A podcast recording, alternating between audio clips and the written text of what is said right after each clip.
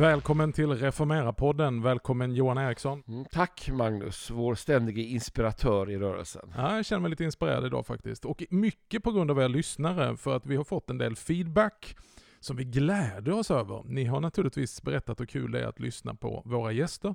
Men många av er, ja faktiskt flera stycken, har hört av sig och sagt att vi saknar också avsnitten där Johan och Magnus löper amok och eh, grubblar och samtalar tillsammans om olika ämnen. Det är väl lite kul att höra Johan? Ja, jag blir faktiskt väldigt uppmuntrad. Det är kanske också de på ett sätt svåraste avsnitten.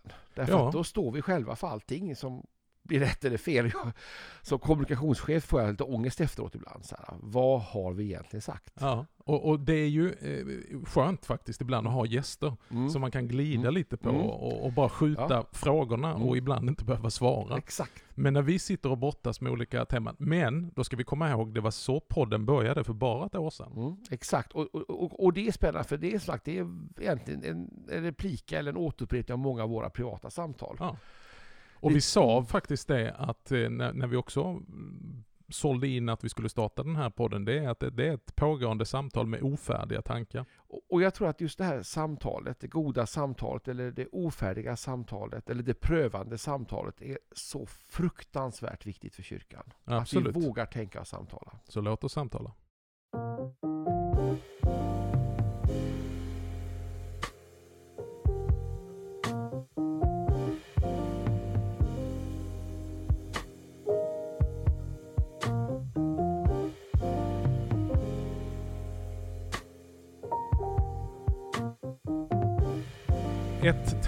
Som vi har samtalat en hel del om Johan och som vi ibland får lite reaktioner över, det är ju så här att vi står i nådens evangelium. Ibland de som inte har satt sig in i den lutherska traditionen och den evangeliska traditionen kan ju ibland ha problem med det som Luther verkligen tydligt drog fram, att rätt åtskilja mellan lag och evangelium. Ibland tolkar ju vissa det som att det är bara evangelium som ska predikas alltså och nåden, och det har vi talat mycket om i den här podden. Men eh, få utlägger ju faktiskt lagen så ihärdigt som Luther. Både hans lilla och stora katekes börjar ju med en utläggning av de tio buden, så vi tänkte eh, köra hårda bud här. Mm. Och det behövs lite för att jag tycker också det råder en ganska stor förvirring kring buden i kristenheten generellt. Många är av den, eh, verkar vara av den eh, åsikten att eh, buden hör inte hemma alls i Mm. kristen tro. Nej, och, och där kan jag säga att en av de här stora aha-upplevelserna jag haft i, med Luthers teologi då, det är faktiskt lagens tredje bruk. Mm. Att- Och, och, för den som inte är bekant med det Ja, begreppet. nu är inte jag teolog då, men att lagen har även för oss frälsta, rättfärdiggjorda, upprättade människor ett syfte att sätta en moralisk standard och att arbeta för att göra oss till bättre människor helt enkelt. Ja, vi får inte glömma att lagen är ingiven av Gud. Eh, lagen kallar Paulus, den store nådeaposteln, för god, helig, ja han säger till och med att den är andlig. Alltså den uppenbar ju någonting av Guds väsen och Guds goda vilja för det goda livet. Ja, och som Jesus säger, inte ett jota ska förgå. Och, och det här är intressant, för då tänker jag att, att alltså, lagen är fortfarande sann. Mm. Den, den, den, den i sin dömande, dödande funktion besegrad av Jesus och livet. Mm. Men det har inte gjort lagen osann. Mm. Och det, det tänker jag att det här förhållandet måste vi kunna förhålla oss till och framförallt prata om. Exakt. Nej men lagen är till för att kuva ondskan i samhället, för att överbevisa oss om synd och för att ge oss en vägriktning för hur livet så som Gud har tänkt att det ska levas faktiskt levs. Mm. Och svaret då, tänker jag på lagens absoluta krav på sanning, är då nåden. Mm. Som inte, inte tar bort kravet, men som ersätter straffet. Tänker Ja. jag rätt där? Ja, och som, som, vad vi inte får missa som vi ibland, och det har vi sagt så vi ska inte fastna där, men det är ju också att du kan inte separera nåden från pånyttfödelsen i den heliga ande. Att vi faktiskt, som vi ber nu, vi är inne i fastan och så ber vi ungefär så här att Herre, ge oss botfärdiga hjärtan så att vi kan vandra fastans väg mot korset fram till påskens glädje. Så att vi kan avkläda oss den gamla människan och hennes vanor och ikläda oss den nya människan som är skapad i Kristi Jesu avbild. Så det handlar ju inte bara om att bli av med synden, utan det handlar ju också om att det växer en längtan efter att bli riktig människa. Vi tänker ju ibland att att vara en riktig människa, det är bara att göra sig av med alla begränsningar. Eh, men faktum är att det är ju i begränsningen som det också finns ett skydd. Att vara det. Någon har sagt att Guds bud, eh, det är ju som murar runt någonting Gud har kärt. För att skydda det som är viktigt. Mm. Och, och jag tänker att vi lutheraner ibland då beskylls för att då göra nåden för enkel på något sätt. Att vi bara säger att nåden är svaret på allt och, och ta bort dygden då. Men jag tänker att i nåden i förlåtelse så finns det en strävan efter dygden. Mm. Och det vi inte får göra när vi då tror på nåden, det är att göra det som faktiskt enligt lagen är synd till dygd. Precis. Och det, det är ju, präglar ju väldigt mycket av, av vår tid idag. Där det som är udda och skevt ska upphöjas till någonting dygdefullt. Någonting unikt, någonting fantastiskt. Och det är ett lätt sätt att komma undan. Jag tänker på det, det, det, det kan man ju på, på personlig nivå eh, i äktenskap och barnuppfostran helt plötsligt göra som ett dåligt försvar att det jag egentligen skulle behöva jobba på. Det är ju skönt att komma undan det med att säga, ja ah, men jag är sån här. Jag, jag, eh, det här är det speciella med mig och jag är ledsen att det drabbar dig. Har du sagt det någon gång Johan? Ja, jag har nog dratt det några gånger faktiskt. Du får bara acceptera mig som jag är. I någon variant. Det, mm. Men här har vi då buden. Jag tänker utifrån fastetiden så det finns ju ett, ett, ett, i den kristna traditionen ett begrepp där man talar om biktspegel. Mm. Det vill säga att spegla sig i de här buden. Och vi tänkte att vi skulle gå igenom buden och så får vi se om vi stannar till och det bränner till på något speciellt sätt. Men man ska ju utgå ifrån att vi har två tavlor. Första tavlan och andra tavlan. Och den första tavlan handlar ju egentligen uteslutande om vår relation till Gud. Mm. Och jag tänker att allting handlar egentligen om den. Det gör ju det, i alla fall i en luthersk tolkning så ser vi att där har vi grunden att bryter du första tavlan så mm. kommer du med säkerhet att bryta alla buden på andra ja. tavlan. Men däremot om vi blir rotade i första tavlans bud så blir det mycket svårare för oss, eller det leder inte på samma sätt till att eh, roten har allt i första tavlan.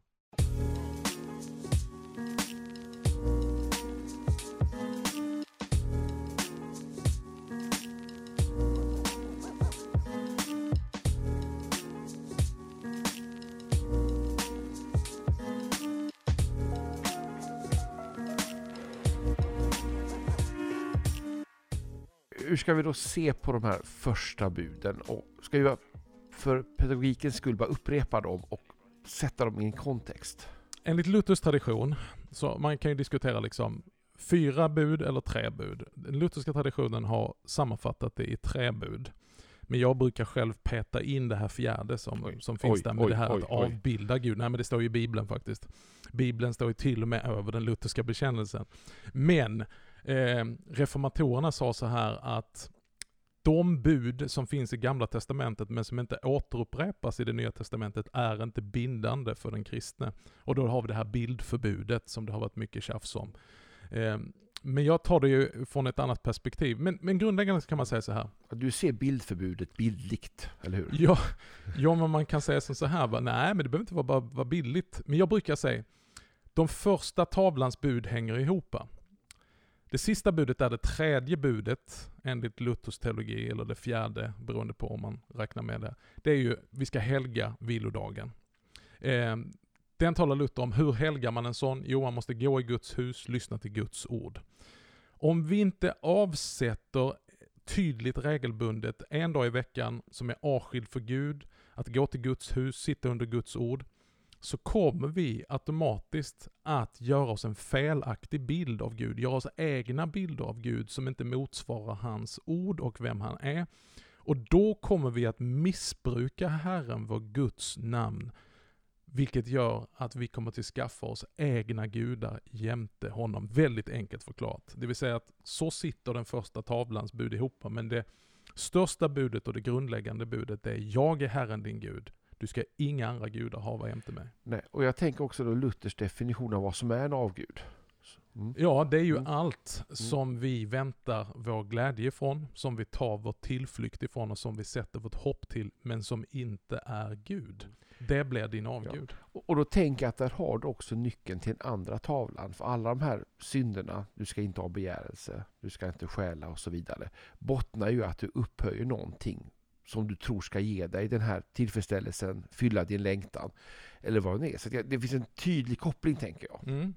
Så om vi går in på den andra tavlan men avslutar första tavlan så säger man så här, vad jag tycker fattas ibland i snacket om lagen och buden, det är att vi missar första tavlan, som är först och som är mest grundläggande. Så att när man talar om syndakataloger och annat så tänker man på allt det här, ja men ni är bara ute efter att folk ska inte ligga runt eller folk ska inte göra det här eller det här. Men, men vad reformatorerna var noga med att säga även om andra tavlan, att det här är ju egentligen eh, ristat i sten och nedskrivet det som redan finns i vad man kallar för den naturliga lagen. Det som Paulus säger i Romarbrevet 2 är redan inristat i samvetet även hos hedningarna. Därför kan man känna skam, därför kan man känna dåligt samvete och så vidare. Lagen är alltså nedlagd i människor. Och framförallt egentligen i den naturliga lagen pratar vi om andra tavlan. Det Ja. som ofta också blir syndakatalogen faktiskt. Precis. Mm. Eh, Men grundläggande igen då, roten under all annan synd är den stora synden. Nämligen att, inte, att misstro Gud och inte låta Gud vara Gud. Och se, göra sig andra gudar jämte honom som har samma funktion som en gud. Och, och då tänker jag att då, då, ofta så tänker man då, ah, det, är en, det är en guldkalv eller ett bärlete man tillber. Men om man då tar Luthers ord, det som ger mig tröst Ja. och glädje, då blir det mycket mer nära. Då vi gör oss inga guldkalvar längre, men Det jag tar min tillflykt till i nöd. Alltså vad gör jag när jag känner mig bruten, livsmodet är borta och jag ska liksom söka tröst eller söka glädje. Vart vänder jag mig? Mm. Och, och då kan egentligen, om man ska hårdra det, väldigt många positiva saker i vårt liv som är Guds goda gåvor av oss upphöjas till avgudar och få en felaktig funktion. Jag tänker att alla avgudar som vi dyrkar är ju ursprungligen någonting gott. Annars skulle det vara väldigt skevt om vi dyrkade det. Men detta goda missbrukas istället för att brukas. För det är inte tänkt att brukas som en gud. Utan det är tänkt att brukas och ta tas emot i tacksamhet som en gåva. Men när vi gör om en gåva till en gud, då har vi per definition förstört den gåvan och då blir det till ett missbruk. Och sen tänker jag att utifrån den andra tavlan, det handlar väldigt mycket om begäret. Att begäret efter någon form av uppfyllelse, tillfredsställelse, förverkligande Mm. bottnar i alla buden. Mm. Till exempel om man då tar femte budet. Du skall inte dräpa. Alltså det är ju ganska, it makes sense. Mm. Det är ju svårt att hitta människor liksom som säger, ja, ja men nej, det vill jag göra liksom. Ja, det finns tyvärr, ja, men, ja, vi ska inte gå in på det, men helt, ja, fortsätt. Nej men, nej, men just det här att, att eh, när, när, när Luther lägger ut det så, så talar han ju, han börjar alltid med att knyta det i första budet. Så han säger, vi ska frukta och älska Gud så att vi inte skadar vår nästa till hans liv, utan istället bistår och hjälper honom i all nöd. Mm. Alltså vi är ju satta här, men på grund av att vi är rotade i första budet, att Gud är vår Gud och hämnden tillhör honom, Mm. till exempel. Ja, för tar vi femte budet, jag tänker att kanske det vanligaste orsaken till brott mot det budet i vår kultur är ju att en människa då står i vägen för min lycka eller mitt förverkligande. Exakt. Eller äger något som jag med våld vill tillskansa mig så till den milda grad att jag bringar denna människa om livet. Mm. Och du tar egentligen, kan man säga, Guds plats där då. Ja. Du, du, du, Mm. du har gjort, någonting är viktigare än Mm. Gud.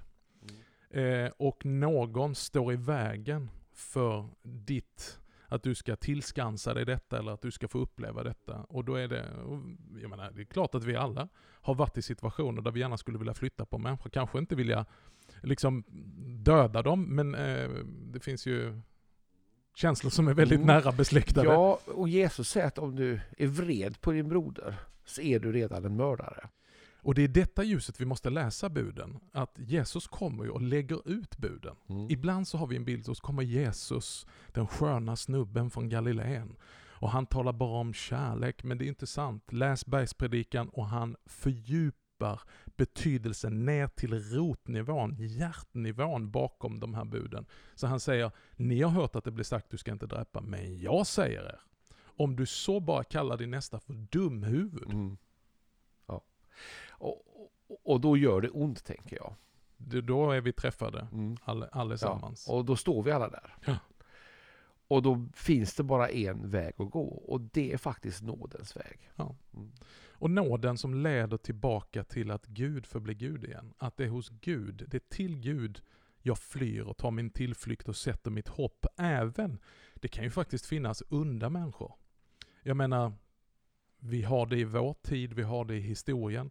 Diktatorer, härskare, brutala, eh, eh, som har stått ansvariga för massmord. Och man tänker, skulle man ändå inte bara göra Gud en tjänst om man klippte den människan? Men om man Oj. då Nej men eller hur? Det finns ju, det, det, så, det resonemanget kan man ju liksom ibland tänka va? Att ta bort de onda. Mm.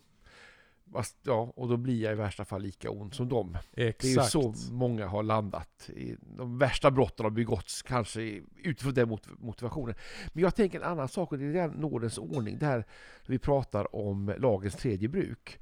Så tänker jag att om vi då alla har, vi brottas alla med synden i hjärteroten. Om jag då redan där i min hjärterot, i min vrede eller min avundsjuka möts av lagen, döms och söker nåden så bromsar jag ju syndens progressivitet redan där Mm, i tankefröet. mm, Om jag inte låter lagen döma mig utan tänker att jag, jag kan minsann tänka det här, han är ett himla dumhuvud och jag skulle gärna se han hamna under en buss någon gång. mm. Då har jag ju låtit den synden växa vidare i hjärtat. I absolut värsta scenario så kommer jag putta personen under buss där jag får tillfälle för att den där tanken, nu går inte jag tänka på sånt, men, men, men rent teoretiskt skulle man kunna, syndens progressivitet leder fram till en punkt. Mm, Om inte lagen får ingripa och avslöja mig. mm. Ja, men Jakobs brev talar om det att denna begäret blir havande Mm. som det föder synd. Exakt. Mm. Och, och det är där man får vara vaksam och leva i den här ständiga omvändelsen. Och därför är fastetiden en sån gåva. Där vi får spegla oss i den här biktspegeln och pröva oss själva och se vad är det för några tankar som finns här. Och jag tänker att det här ligger på det här, det här finns ju, vi kommer till ett annat bud här sen som säger att du inte ska förtala din nästa. Och, och det, det träffar en djupt i hjärtat.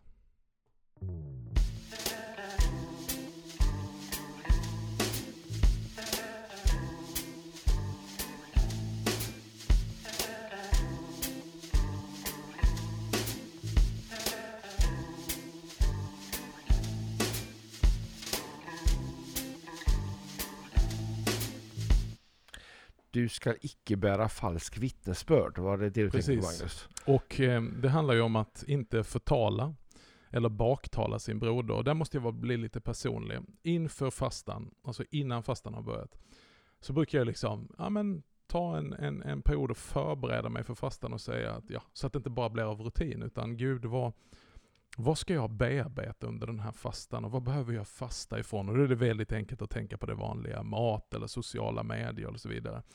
Men då kommer det till mig i min dagliga bibellösning ett, ett ord som blev, jag gärna riktar mot andra, men som blir riktat mot mig. Och det är ju när Jesus möter farisén och tullindrivaren i templet. Och farisén han står där och han lyfter sina händer och så talar han väldigt upphöjande om sig själv och säger Jag tackar Gud att jag inte är som andra. Och så ser han den där stackars tullindrivaren i hörnet så här, och att jag inte är som han. Och du vet, det, är ju, det känns ju fruktansvärt att erkänna, men att se också, där på tal om buden, där kan vi ju väldigt ofta hamna även som andliga ledare. I jämförelsens träsk. Och det här att vi ska slunga våra, på ett sätt ogrundande, ogrundade eh, eh, dummar och, och avfärda människor, och bedöma människor och, och, och tala om människor, gärna då kanske också andra andliga ledare och har massa åsikter om dem. Och det var som att, att, att Gud sa på tal om då en fortsättning på buden där Jesus säger Be inte bara för era vänner, be för era fiender. Alltså de, vi lever ju i en tid som präglas väldigt mycket av polarisering. Vi talar om politik och det blir så otroligt tydligt, är det på den sidan eller är det på den andra sidan? Men det präglar ju också rätt mycket vår vardag. Och inte minst teologiska traditioner, kyrkosamfund eller olika riktningar. Så, nej, han är, han är med dem. Och så kör vi någon sorts cancel culture. Vi är ju emot allt detta, men ibland kör vi ju det själva. Ja, vi kommer in på det, just cancel culture tycker jag att vi nästan är bäst i klassen på ibland. I kristenheten? Mm, kristen, ja. Eller du menar du och jag? I vår podd här, ni som inte fick vara med. Nej, jag tänker i kristenheten i stort att vi känner ofta att vi utsätts för cancel culture av samhället och gråter över det. Men så är vi lika goda kålsupare när det kommer till dem som vi på något sätt in, känner inte ska ta utrymme. Eller? Mm. Men det är intressant hur detta uppstår, för att det brukar börja med skiljelinjer, och det, det, kan vi inte komma ifrån. Så måste det få lov att vara. Vi måste få lov att ta ståndpunkter och positioner, även i kristenheten, och säga nej, det där tror jag är fel. Men problemet är när skiljelinjer blir så tydliga och djupa att de blir skyttegravar. Och att man ligger i skyttegraven och helt plötsligt så är det inte bara att nej, du och jag är olika i den frågan, utan helt plötsligt börjar man kasta molotov cocktails och vassa ord och kommentarer och så börjar vi ta till sociala medier och så börjar vi, ja. Det här är en intressant tanke. Kan man tänka så att cancel culture också är den nya tidens falska vittnesbörd? Jag gör en anklagelse indirekt genom att tysta den här personen, eller inte ge utrymme, så säger jag att du finns något fel med det, men ofta är det ofta odefinierat. De som blir tystade vet ju inte alltid exakt varför du drabbas av cancer culture. Nej, och är det, är, det, är det verkligen en hållbar väg framåt att bara försöka tysta någon? För det första, kan man tysta någon? Är det inte risk då? Det här kan ju vara en människa som har galna mm. eh, uppfattningar. Men är det då inte risk att det uppstår alternativa stängda miljöer? Där man oemotsagd kan fortsätta låta de här tankarna gro. Behöver vi inte ett mer öppet klimat? Och på tal om podd, behöver vi inte också samtal och ge utrymme för de som vi kanske inte delar uppfattningar med? Oj. Eh, jag tycker det är svårt, för, för kyrkan ger ju också en, en officiell Alltså i egenskap av kyrka så har vi en teologi, en, en tolkning av rätt och fel gott och ont, rekommenderat, icke rekommenderat. Vi kanske inte har syndakataloger längre, men kyrkan är ändå väldigt tydlig med vad vi ger ju livsstilsråd om inte annat. Och i och med det så har vi också tagit ställning i en massa frågor, indirekt eller direkt. Men är det inte just det man behöver prata omkring? Mm. Alltså just eftersom mm. kyrkan har en, en, en tydlig lära eh, och vi kan gå, nu, nu sysslar vi med, med, med buden liksom. Alltså hur resonerar vi runt omkring det här? Mm. Ja, men jag tycker det är känsligt. Jag tänker också kristenheten i stort. Det finns så många riktningar. Ibland kan man ju nästan tyvärr se med förakt på dem som kanske är väldigt långt ute och cyklar. Eh, och, och, och där finns det också ett högmod i att vi har det men ni har det inte. Ungefär som farisén du beskriver. Som är väldigt destruktivt. För i den stund jag tror att jag har det så har jag egentligen tappat det. Ja, Jesus sammanfattar ju den liknelsen. Du har farisén som slår sig för bröstet av en annan anledning än att tullindrivaren slår sig för bröstet och säger jag tackar dig Gud. Alltså han, han liksom lägger in ett andligt högmod, att jag inte är som alla andra och speciellt inte som den där tullindrivaren. Och han säger horkarar och han säger annat. Och tullindrivaren känner sig träffad och känner att det finns en sanning i det han säger. Så han slår sig för bröstet på ett annat sätt, vågar inte ens lyfta sin blick och säga Gud förbarma dig över mig syndare. Och då säger Jesus, han säger inte ungefär, ungefär så här, gissa vem som gick hem rättfärdig. Ja, inte var det farisén, utan det var tullindrivaren som var rättfärdig. Mm. Men det intressanta är ju då att egentligen drabbas ju tullindrivaren av lagen ja. via farisén. Men istället så vänder han sig till Gud i en bön, en desperat bön om förlåtelse. Man kan säga så här, vet du vad? Det farisén säger, det är sant. Han är säkert mycket bättre än mig på alla sätt och vis. Och vore det inte för Guds nåd, var skulle jag vara då? Ja, det är väl en bra ton att mm. sluta på. Mm. Vi börjar i lagen, ja. men slutar i nåden. Vi, vi kanske ska fortsätta. Vi har ju fler bud att bearbeta. Så ja. jag, jag tyckte det var spännande. Det här kan vi gräva lite i tycker jag.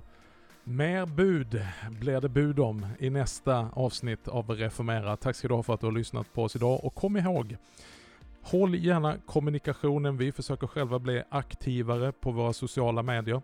Vi vill gärna ha kommunikation med dig som lyssnare. Lyssna till vad du har för någon input i våra program.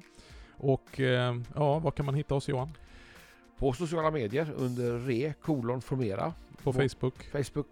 Mm. Instagram. Instagram. Twitter. Twitter. Mm. Och man kan mejla direkt hos oss också. Och man kan läsa andra utläggningar av samma ämnen på reformera.net, vår hemsida ska man alltid prenumerera på budbäraren också, EFS tidning. Det ska man verkligen göra. Mycket bra nummer senast. Budbäraren utan ä med ett a. Punkt nu. Ja, spännande. Budbararen. Mm, lite konstigt men, men punkt nu. Men så blir det. Det är ju fint nu med tanke på vad vi talar om. Budbärare. Mm, Vi bär bud om nya bud mm, nästa gång. Och så önskar vi dig Guds rika välsignelse och tack för att du lyssnar.